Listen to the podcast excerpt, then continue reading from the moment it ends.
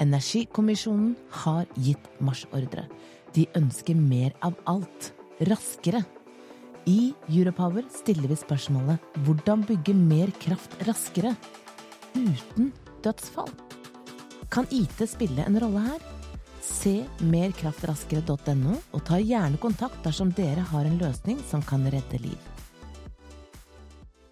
Du lytter til energibransjens temapodkast om digitalisering i oljebransjen, som inneholder produktplassering fra ABB og Oliasoft. Energibransjens temapodkast tar for seg digitalisering i oljebransjen. I denne episoden har vi med oss Espen Storkås, Vice President Digital Upstream Oil and Gas i ABB, og Marius Kjeldal, Chief Technology Officer i Oliasoft. Jeg heter Skjul Kristian Aamodt og er gründer og utviklingsdirektør i Energy. Energibransjens temapodkast presenteres av Kongsberg Digital, ABB og Oliasoft. Digitalisering av boring og brønn. Digitalisering i oljebransjen. eh, Alle prater om det. Eh, Det er mye penger i spill, både eh, for leverandørindustrien og med tanke på hvilke gevinster man kan oppnå dersom man lykkes med dette store toget som nå går. Vi går rett på sak, Marius. Hvilke utfordringer skal digitalisering løse i olje- og energibransjen? Det er mange utfordringer i den bransjen. Noe av problemet har jo historisk vært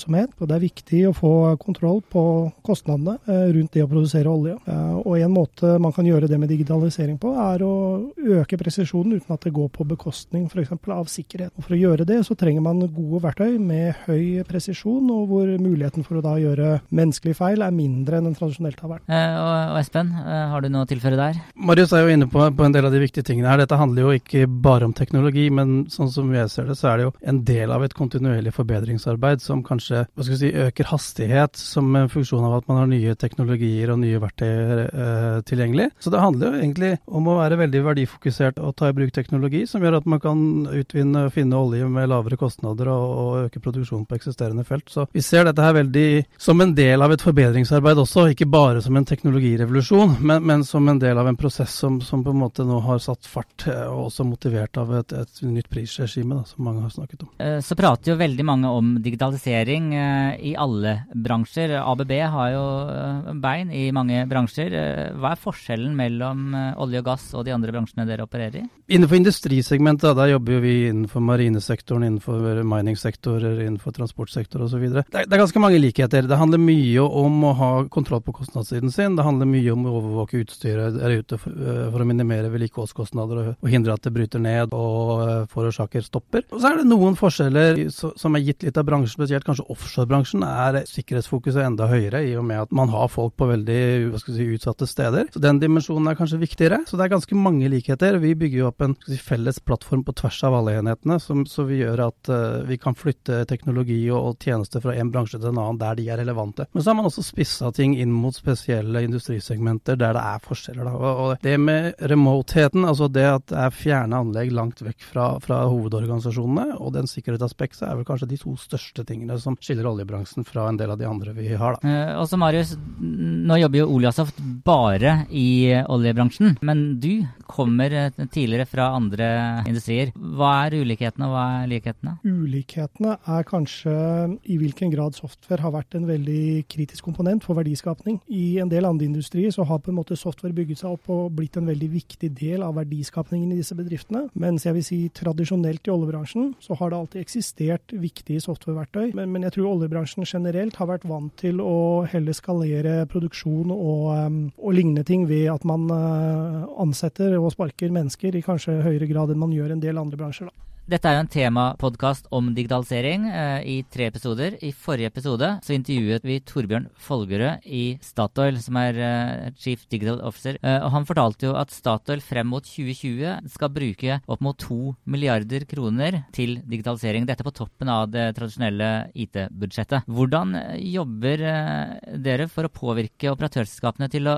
velge deres løsninger? Nei, For oss så handler det om å finne punkter der vi er relevante og kan legge verdi til. Du snakket om Torbjørn Torbjørn og Statoil som et eksempel her, så jobber vi jo tett med Statoil og har en lang eksisterende kunderelasjon der. Så vi vet hvor vi kan bringe verdi til Statoil for å bevise at vi er verdige til å hva skal vi si, motta noen av de investeringene. Men ikke minst hjelpe Statoil med å oppnå de målene de har. For kapitalbruken Statoil forespeiler seg er jo én ting, men de sier jo også at de skal tjene en 10 milliarder kroner på, det, på, dette her. Så det å være med å bidra der, så, så, tror vi også at vi kan få en god del av de investeringsmidlene som de tenker å bruke. Eh, og du Marius, hvordan jobber Oliasoft for å, for å få eh, operatørskapene til å trigge på det dere holder på med? Uh, ja, det er litt moro, for uh, vi føler på en måte at vi egentlig ramla inn i, i hele greiene. Vi, vi, er jo veldig fokuserte på produkt- og domenesiden i, i oljeselskapene. Men når viljen som disse selskapene nå viser kommer til å digitalisere, som vi kaller det nå, så er det en del veldig viktige ting å ta tak i. Og, og det går f.eks.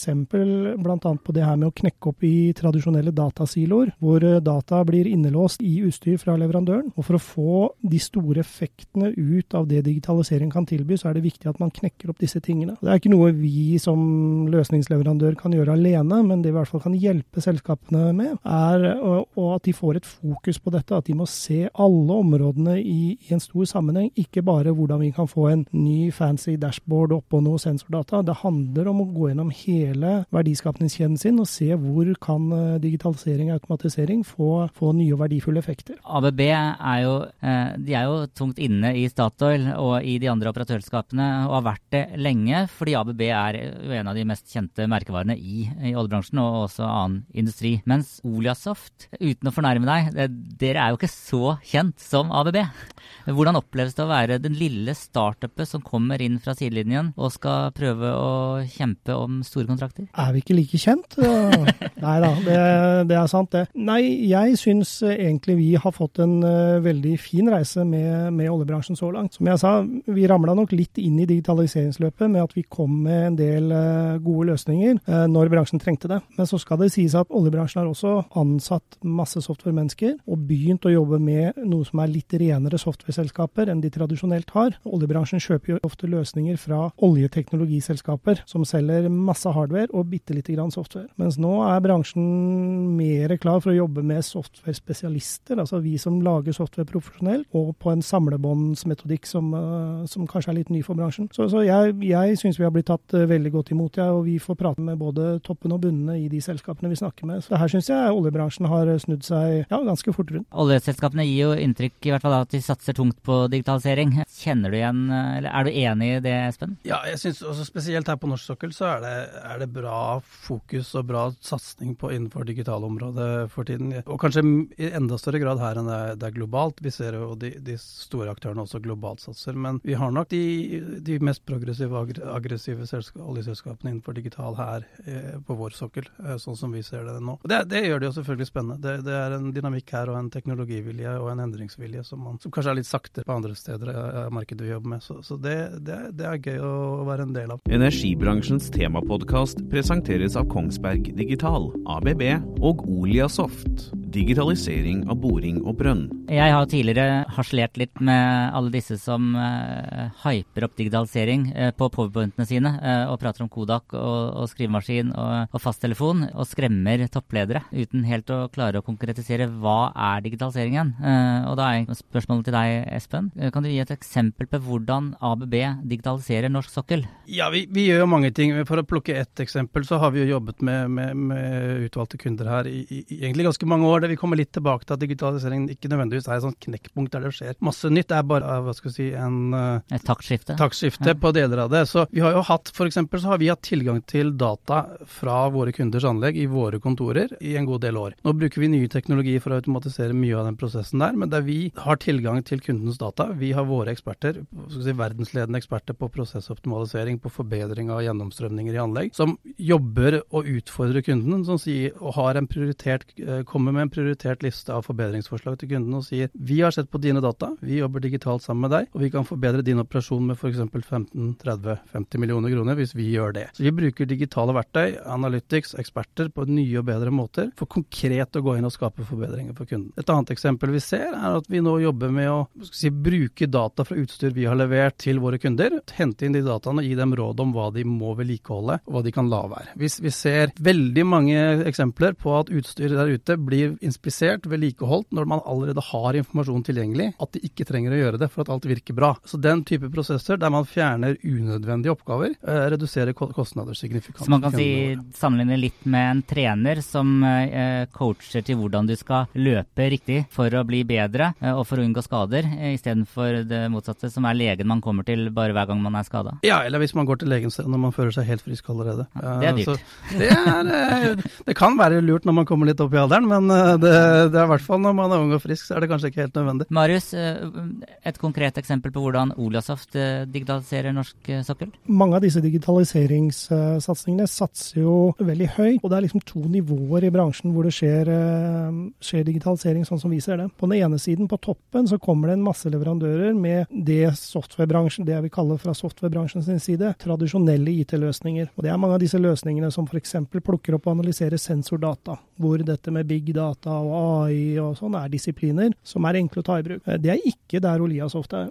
Vi jobber mer på bunn i disse verdiskapningsprosessene, hvor vi jobber med domenefolkene, de som sitter og regner i detalj på hvordan disse brønnene skal konstrueres, eh, hvordan man optimalt finner ut hvor man skal bore, hvilke veier man skal ta ned til oljefeltet. Og Det er ganske tung domenekunnskap som det for en toppledelse f.eks. er veldig lett å bare delegere bort til de som alltid har gjort det. Og der har vi en utfordring uh, som vi prøver å hjelpe oljeselskapene med, at man må være litt forsiktig med å bare sette bort det som er litt vanskelig, og, og, og ikke være villig til å forandre på hvordan man jobber. fordi da får man ikke de effektene med at alle disse systemene kan kobles sammen. Sånn at man i nær framtid kan gjøre f.eks. det som kalles autonom boring, da, hvor uh, veldig mye skjer helt automatisk med roboter osv. Hvis bare deler av denne verdiskapningskjeden er digitalisert, så ender det opp med at man blir avhengig av at det sitter mennesker og drar i spaken og trykker på knappene til slutt allikevel. Dialogen her uh, har blitt mye bedre fordi selskapene har vist vilje til å gi dette støtte fra ledelsen og gi de budsjetter. Men det betyr ikke at de som er domeneeksperter bare kan sitte helt stille. De må flytte på seg, de og det kan være litt ubehagelig. og Derfor så trenger de backing fra toppledelsen også for å få det til. Eh, Espen, føler du de får den backingen? Ja, jeg kjenner meg igjen i, i det Marius uh, sier her. og Han jobber jo mer inn mot brønn- og boringssegmentet. Vi er mer inn mot produksjon. Men, men, det det kanskje handler litt om, er jo at man drar linjen helt ut og ser hvor ender man hen. Du, du, du snakker om autonom brønning eller boring, mens man gjerne på, på produksjonssiden ser på ubemannede plattformer, ubemannede komplekse anlegg, subsea-anlegg, som på en måte er der dette her ender. Og det er dit alle vil, ikke sant. Og der går alle disse digitale verktøyene inn. Der går all den integrasjonen på, på bunnivå og oppover kommer det inn. Så, så lenge man på en måte har den, en visjon der da, som man jobber mot, så tror jeg også man drar med seg en del av de fagekspertene som uh, Marius uh, snakker om, inn i det. Og da får man gjerne litt mer oppmerksomhet rundt hele. Ja, jeg er enig i det, Espen. Men det som er viktig å huske på, da, som, som det er en felle som man går i om igjen og om igjen, ikke i oljebransjen spesifikt, men i veldig mange bransjer, og det er at nå er tiden inne for å gjøre noe nytt. Så istedenfor å se på hva vi gjør, så skal vi lage et nytt supersystem som skal løse alle problemene våre. Og dette er ting som spesielt kall det store globale IT-konserner elsker å selge inn, for det er utviklingskontrakter i 100-millionersklassen. Tar mange år å fullføre. Og de blir aldri ferdig. Det er utfordringen. Så man er nødt til å gå inn og se på hva gjør vi på alle de små bitene, og så må vi gjøre inkrementelle forbedringer. Og så blir egentlig den store digitale løsningen, det blir summen av alle de små tingene. Og det er akkurat akkurat sånn. Vi har flytta softwarebransjen, nå snakker jeg som softwareproff, da, hvis det er lov å kalle seg det. Vi har gått vekk fra disse gigantiske megasystemene, så har vi begynt å bygge systemer som er masse små byggeklosser som står på hverandre. Der er oljebransjen heldig, for veldig mye av grunnarbeidet er gjort, så det handler bare om villighet til å forandre arbeidsprosesser og litt sånn, for å tilpasse eh, hvordan disse selskapene jobber i den nye, nye hverdagen. Da er vi egentlig inne på et ganske eh, sentralt spørsmål. All teknologien fungerer, men det er jo ikke gitt at organisasjonen vil klare å ta bruk av det allikevel. Altså, hvordan utfordringen med å endre eh, organisasjonen til å altså, tenke eh, digitalt. Da. Personer eh, som kanskje snart er på vei til å gå av med pensjon, som har vært eksperter på det de har holdt på med i hele livet, og så plutselig så, så snus alt opp ned. Er det motstand eh, der ute, Espen? Det er vel en iboende konservatisme i de fleste organisasjoner, tror jeg. Og du peker jo der på kanskje den største utfordringen her. Dette handler jo om å bruke teknologi til å faktisk fysisk endre på noe, eller endre en prosess, eller slutte å gjøre noe man gjør. Så det handler jo veldig mye om endringsledelse her, ikke sant. Og det er helt klart den mest kompliserte delen av dette her. Og så handler det kanskje litt om at samspillet mellom operatører og leverandører vil endre seg litt. Vi vil se mer as a service-type tjenester istedenfor at man leverer software-applikasjon som installeres på en plattform. Så vil man heller abonnere på tjenesten som gjør at utviklerne og brukerne forandres litt. Det er ganske mange ting her som krever at man samhandler på nye måter. Både internt hos en brukerorganisasjon, men også mellom aktørene i, i bransjen. Jeg er enig i det, Espen. Jeg har et konkret eksempel i forhold til vårt eget arbeid. Og det handler jo om at um, når domenet man jobber i blir veldig, veldig komplisert og veldig spesifikt, så er det vanskelig å lede hvordan disse folkene jobber. I begynnelsen så slet vi veldig med at uh, når vi ønsket å komme inn og selge våre veldig teknologisk spesifikt løsninger for f.eks. boring og brønn og den type ting, så var det ofte et område som da ble delegert ned til de som gjorde dette i dag. Og det alene er veldig tungt, for da snakker du om å gå inn i en prosess som har funka i mange tiår, og så ber du disse se på et nytt verktøy. og viljen til å ta i bruk det ut av det blå er veldig, veldig liten. Så her har jeg, og vi også, og mange andre også, pusha bransjen litt og sagt at eh, hvis dere ønsker reell forandring på alle disse rare områdene også, så må dere engasjere dere med oss som prøver å lage løsninger. Dere kan ikke bare sette det bort til en domenespesialist og så si at eh, OK, du har det gamle verktøyet ditt, og her er det tre nye. Velg ett. Da blir det veldig vanskelig, for da vil alltid de gamle leverandørene vinne, og det blir ikke noe forandring. Sånn at bransjen må gradvis begynne å engasjere seg med selskaper som som er villige til å investere og bygge nye løsninger. Jeg sier ikke at de skal kaste ut alt det gamle, men det er en gradvis prosess her hvor man må prøve å jobbe med de som er villige til å jobbe sammen med selskapene for å komme opp med nye og bedre måter å jobbe på. Energibransjens temapodkast presenteres av Kongsberg Digital, ABB og Oliasoft. Digitalisering av boring og brønn. Og da er jo kanskje kombinasjonen da mellom eh, ABB, som har vært der lenge, eh, Olasoft, eh, som kommer nye inn, det å skape det samspillet i denne industrien er jo veldig spennende.